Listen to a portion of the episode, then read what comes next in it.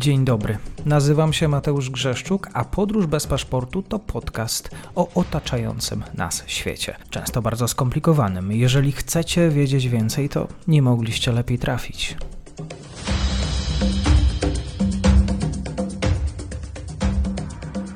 Partnerem odcinka jest Oanda, TMS Brokers, dom maklerski obecny na rynku już od ponad 20 lat. W opisie odcinka znajdziecie link do aplikacji, której możecie otworzyć konto maklerskie i grać na giełdzie, a wcześniej potrenować na koncie demonstracyjnym. Jeżeli otworzycie konto za pośrednictwem tego linku, dostaniecie na start książkę o tematyce inwestycyjnej. Zapraszam, Mateusz.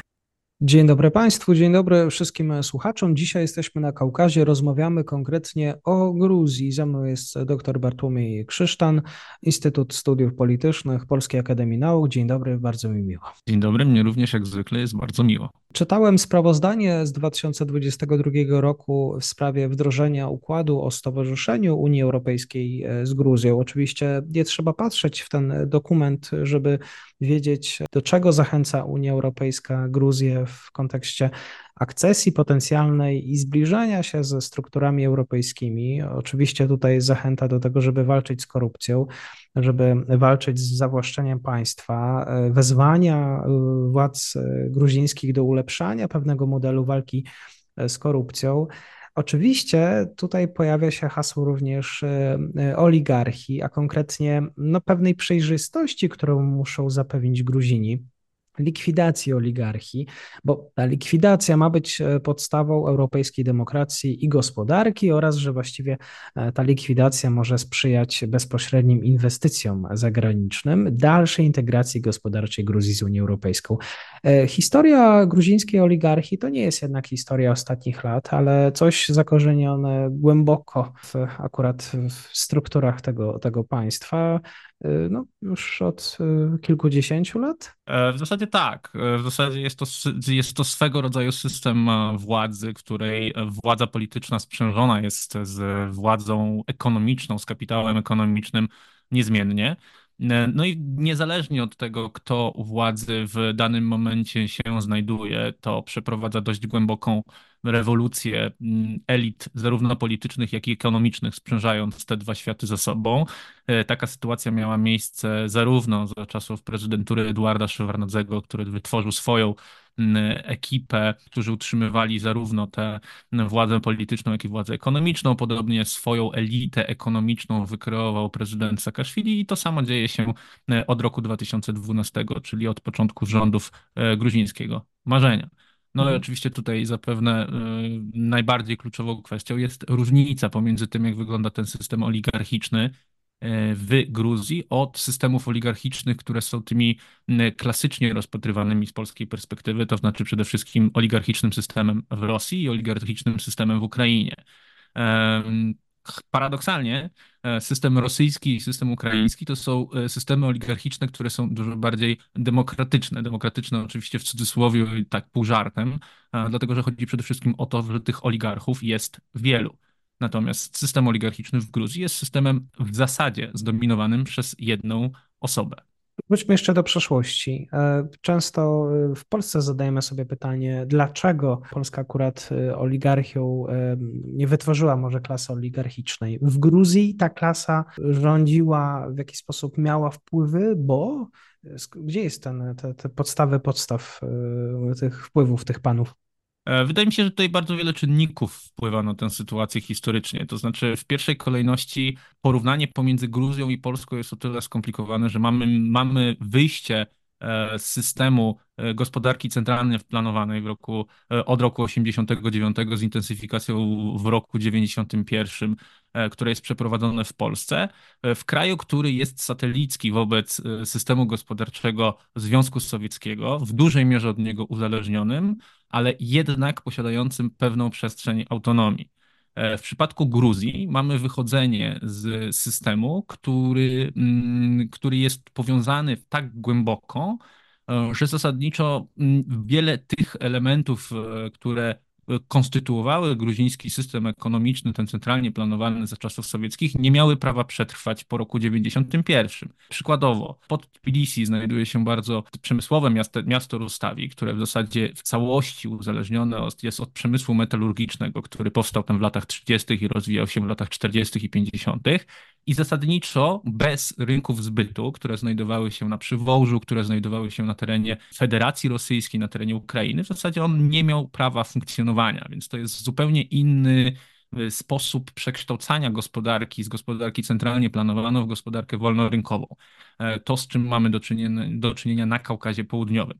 Jednocześnie, mniej więcej od połowy lat 80., to znaczy już od intensyfikacji E, pieriestrojki i głasności, przede wszystkim tego drugiego elementu głasności, który był bardziej powiązany e, z kwestiami ekonomicznymi, e, system sowiecki zaczyna się rozprężać. Pojawiają się pojedyncze jednostki, które bardzo często są w jakimś sensie politycznie powiązane z nomenklaturą, z wierchuszką polityczną, które zaczynają robić interesy na tym, co jest, co było dotychczas państwową E, własnością. I to dzieje się między innymi e, w Gruzji. Oczywiście intensyfikuje się w latach 90., kiedy były republiki radzieckie zaczynają otwierać się na zachodni kapitał, pojawiają się pierwsi inwestorzy, pojawiają się też ludzie, którzy mm, zaczynają prowadzić interesy, które z dzisiejszej perspektywy powinniśmy nazwać raczej szemranymi, E, no i w ten sposób rodzą się największe oligarchiczne fortuny w, na terenie byłego Związku Sowieckiego. Różnica pomiędzy Gruzją i chociażby Federacją Rosyjską jest taka, że tutaj nie mamy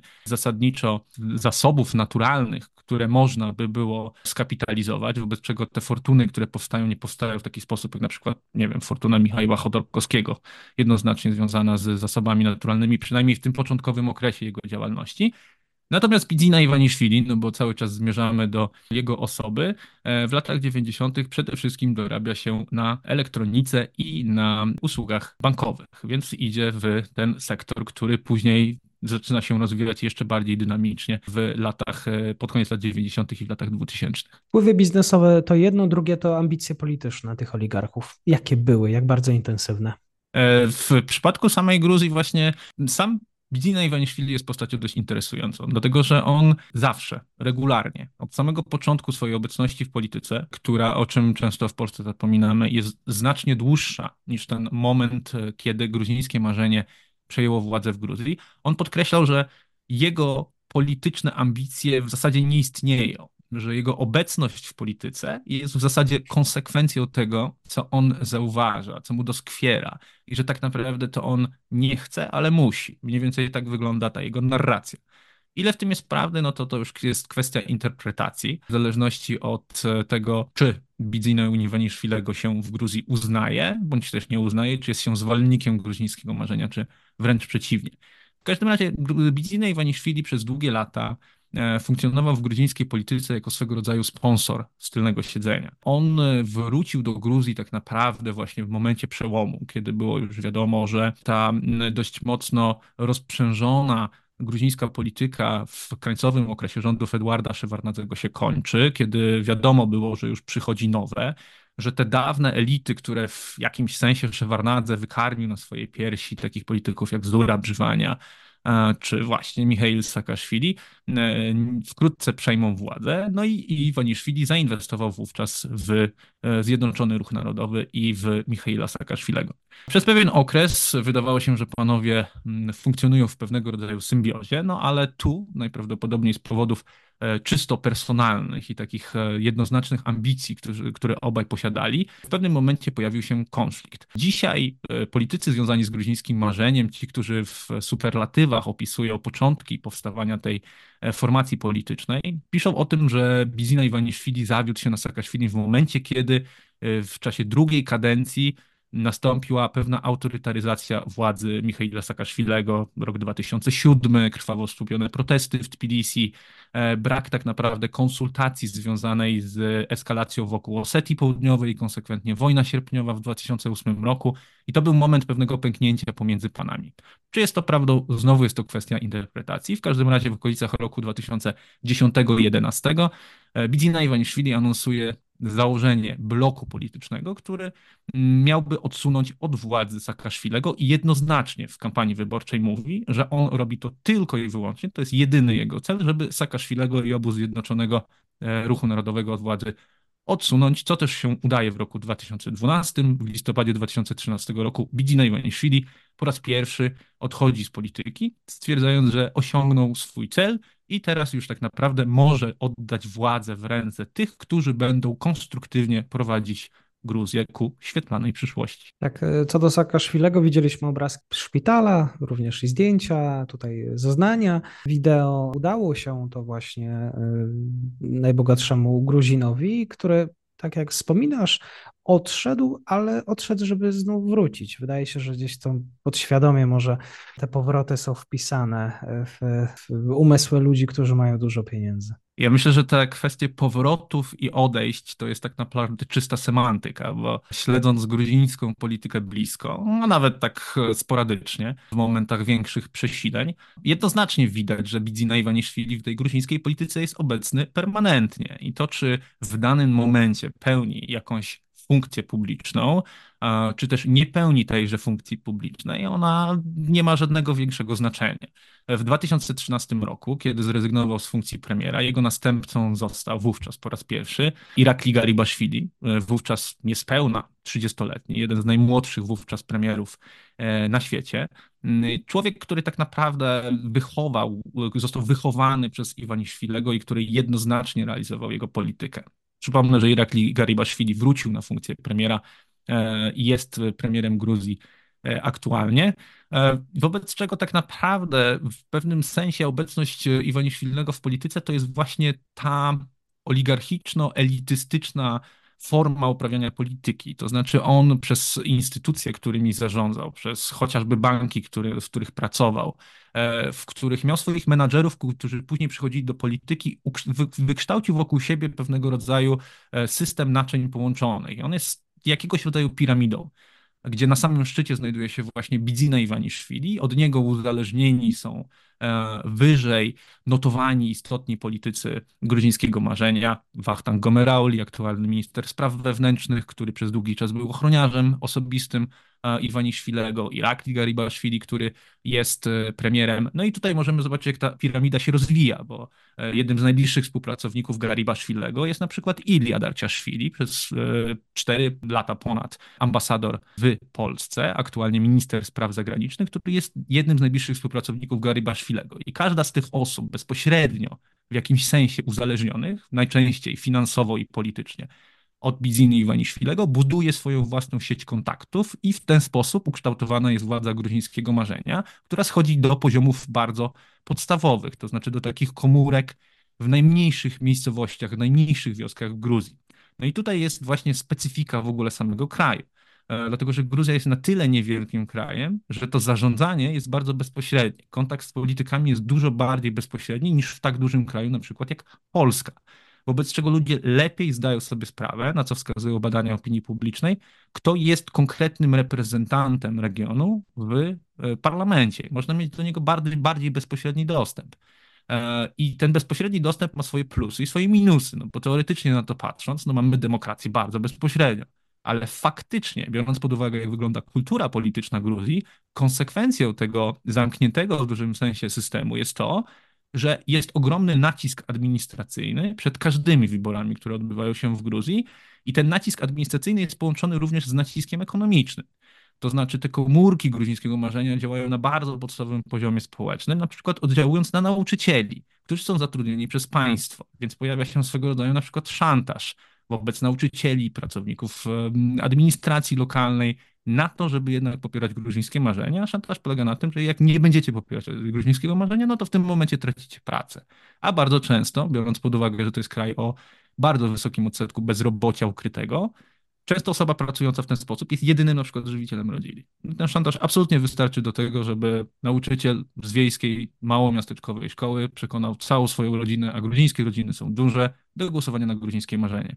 Więc nie mamy tam na przykład w przypadku aktu wyborczego takich bardzo jednoznacznych machlojek wyborczych w postaci wrzucania setek kart do urn, ale mamy długotrwały proces, który można obserwować na kilka miesięcy przed wyborami, w którym jednak, jednak jest duży nacisk administracyjny, który wpływa na to, jak wyglądają wyniki wyborów. Zastanawiałem się, na ile Gruzini są obeznani w tej swojej lokalnej układance. Tak z boku patrzeć, oczywiście komentatorzy, analitycy, mając dostęp do szerokich danych, zajmując się naukowo, analitycznie Gruzją, mogą rozwikłać e, tę sieć powiązań. E, czy Gruzini się w tym orientują, bo oni są najbardziej, nazwijmy to, E, tymi pierwszymi odbiorcami, również nie tylko analityków, ale mediów, które pewnie zakrzywiają pewien e, obraz mediów, które też do kogoś należą. Na ile Gruzini e, są tutaj czujni. Ja myślę, że są w znaczącym stopniu, natomiast jest to bardzo mocno zróżnicowane generacyjnie. Przez długi czas Gruzja w porównaniu zarówno ze swoimi kaukaskimi sąsiadami, jak i z przestrzenią, powiedzmy, tak zwaną postsowiecką, Europą Centralną, e, miała nadzwyczajnie wysoki stopień e, sięgania po informacje z telewizji. Co, co z tego wynika? Wynika to z tego, że z, podobnie jak gruzińska scena polityczna jest spolaryzowana, podobnie spolaryzowana jest, jest, jest spolaryzowana jest przestrzeń medialna w Gruzji. Biorąc pod uwagę, że to jest kraj, który od czasu Saakaszwilego bardzo mocno podstawił na mm, liberalizację, czasami nawet takim wymiarze niemalże libertariańskim e, ekonomii, tych telewizji prywatnych, a co za tym idzie również telewizji partyjnych, jest wiele. Więc w zależności od tego, który kanał w telewizji się w danym momencie wybierało, dostawało się odpowiedni E, odpowiednio podany dyskurs, odpowiednio ukształtowaną narrację, która miałaby wspierać jedną bądź drugą stronę e, sporu politycznego. No wiadomo, że Tawari Archi jest na przykład telewizją, która jest jednoznacznie związana ze Zjednoczonym e, Ruchem Narodowym, natomiast Imeri jest znacznie bliższy gruzińskiemu małżeniu i tak dalej, i tak dalej. To się zmienia w przypadku pokolenia młodszego, dlatego że no, z rzeczy, ze względów oczywistych, chyba takich dość uniwersalnych, dużo ważniejszym źródłem informacji jest tutaj internet. No i widać to w tym momencie również na to, jak przekłada się chociażby poparcie dla gruzińskiego marzenia, dlatego że to podejście gruzińskiego marzenia w dużej mierze było oparte na takich konserwatywnych schematach docierania do wyborców i przekonywania ich do swoich narracji, to znaczy właśnie telewizja, taka oddolna praca, wiece, spotkania, etc., etc. Bardzo podobnie to wygląda do tego, w jaki sposób działa Prawo i Sprawiedliwość, na przykład w Polsce. E, I teraz się okazuje, że na przykład e, gruzińskie marzenie w ostatnich sondażach, które pojawiały się pod koniec jeszcze 2023 roku, bo nie mamy nic szczególnie świeżego ze stycznia 2024, poparcie dla gruzińskiego marzenia jest najwyższe w najstarszej grupie, najstarszej grupie wyborców, to znaczy powyżej 55 roku życia. Więc widać, że tutaj to dociera. Jednocześnie 55 plus oznacza, że mamy do czynienia z osobami, które są jeszcze socjalizowane w systemie sowieckim. Wobec czego jest to pewnego rodzaju inny schemat myślenia, który bardzo mocno nie traktuje władzy jako czego, czegoś, nad czemu się patrzy na ręce, ale raczej w kategoriach tego, że władza ewentualnie może być mi wroga, władza może mi zrobić krzywdę. Więc zasadniczo, jak ktoś mnie pyta o to, na kogo będę głosować, to lepiej zawsze powiedzieć, że będę głosować na partię władzy. E, zasadniczo lepiej powiedzieć, że partia władzy, no może nie spełnia w pełni swoich oczekiwań, no ale lepiej mieć to, co się zna, niż ewentualnie ryzykować z wyborem czegoś e, nowego i tak dalej, i tak dalej. Innym kryterium, które jest bardzo istotne, jest też kryterium terytorialne, dlatego że e, takim mikroskalową przestrzenią, która wyznacza zmiany w gruzińskiej polityce jest stolica, jest Tbilisi. Jeżeli zmienia się podejście do władzy w Tbilisi, no to w tym momencie wiadomo, że coś się wydarza. A w Tbilisi poparcie dla gruzińskiego marzenia jest na bardzo niskim poziomie. I podobną sytuację mieliśmy właśnie na przełomie lat 11-12, kiedy ważyły się losy władzy Zjednoczonego Ruchu Narodowego. To wówczas właśnie młodzi, wykształceni, pochodzący z takich e, starodawnych, można powiedzieć, jeszcze postziemiańskich, postfeudalnych rodzin gruzińskich, teraz tworzących elitę intelektualną e, tpiliską, to właśnie ci ludzie decydowali o tym, że czas Saakaszwilego się kończy i trzeba poszukiwać czegoś nowego i oddać władzę gruzińskiemu marzeniu. I teraz dzieje się rzecz podobna. Ja myślę, że e, Iwaniszwili, który jest sprawnym politykiem, e, jego współpracownicy, tacy jak Irakli Kobachidy, jak Szalwa Papuaszwili, jak premier Irakli Garibaszwili, którzy również są bardzo sprawnymi politykami, oni zdają sobie z tego sprawę i z, chyba z tego powodu właśnie ten powrót formalny e, Iwaniszwilego teraz następuje. To jeszcze na zakończenie, czego chciałby dla Gruzji e, Bidzina Iwaniszwili? Ja no myślę, że zachowania swoich wpływów przede wszystkim. Znaczy to jest, trochę żartuję, ale zasadniczo trudno powiedzieć tak naprawdę jakie są, mimo tego, że tak naprawdę to, ugrupowanie jest od wielu lat u władzy. To jest e, ugrupowanie, które wygrały trzy, trzy wybory parlamentarne pod rząd.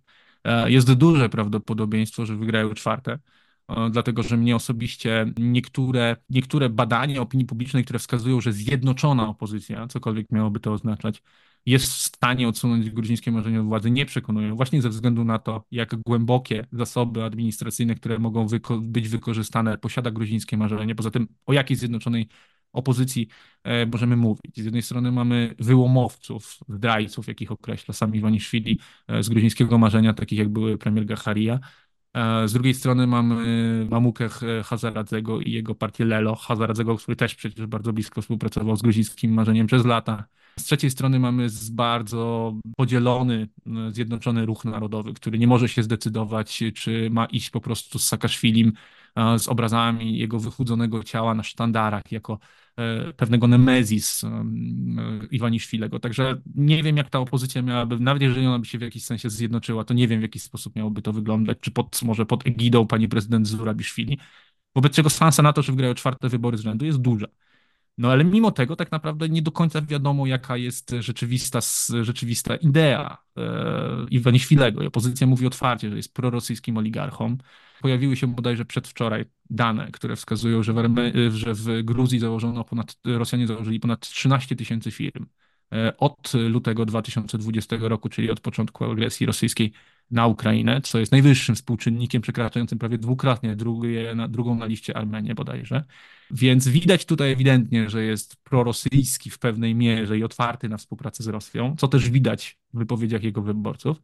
Z drugiej strony no, mamy właśnie przyznaną trochę na wyrost, ale z pewnej geopolitycznej konieczności E, przez Komisję Europejską status kandydacki dla Gruzji. I ten status kandydacki jest też niebezpieczny w pewnej mierze dla polityki wewnętrznej, dlatego że przed wyborami, które odbędą się na jesieni, e, gruzińskie marzenie otrzymało wspaniałe, wspaniałą, e, wspaniałe narzędzie narracyjne, bo mogą mówić, zobaczcie, prowadzimy proeuropejską, prozachodnią politykę, a większość Gruzinów jednak wyraża swoją prozachodniość i pro proeuropejskość bardzo otwarcie, więc to jest świetny materiał do tego, żeby to wykorzystywać właśnie w kampanii wyborczej, a w zasadzie, i tutaj właśnie wracamy do tej pewnej niewiedzy gruzińskiego społeczeństwa, to nic nie oznacza. Ten status kandydacki może trwać latami, dekadami. No tutaj doskonałym przykładem jest Turcja, tak, e, która przez lata była, e, była, była przymierzana do członkostwa w Unii Europejskiej. Jak to się skończyło, wiemy.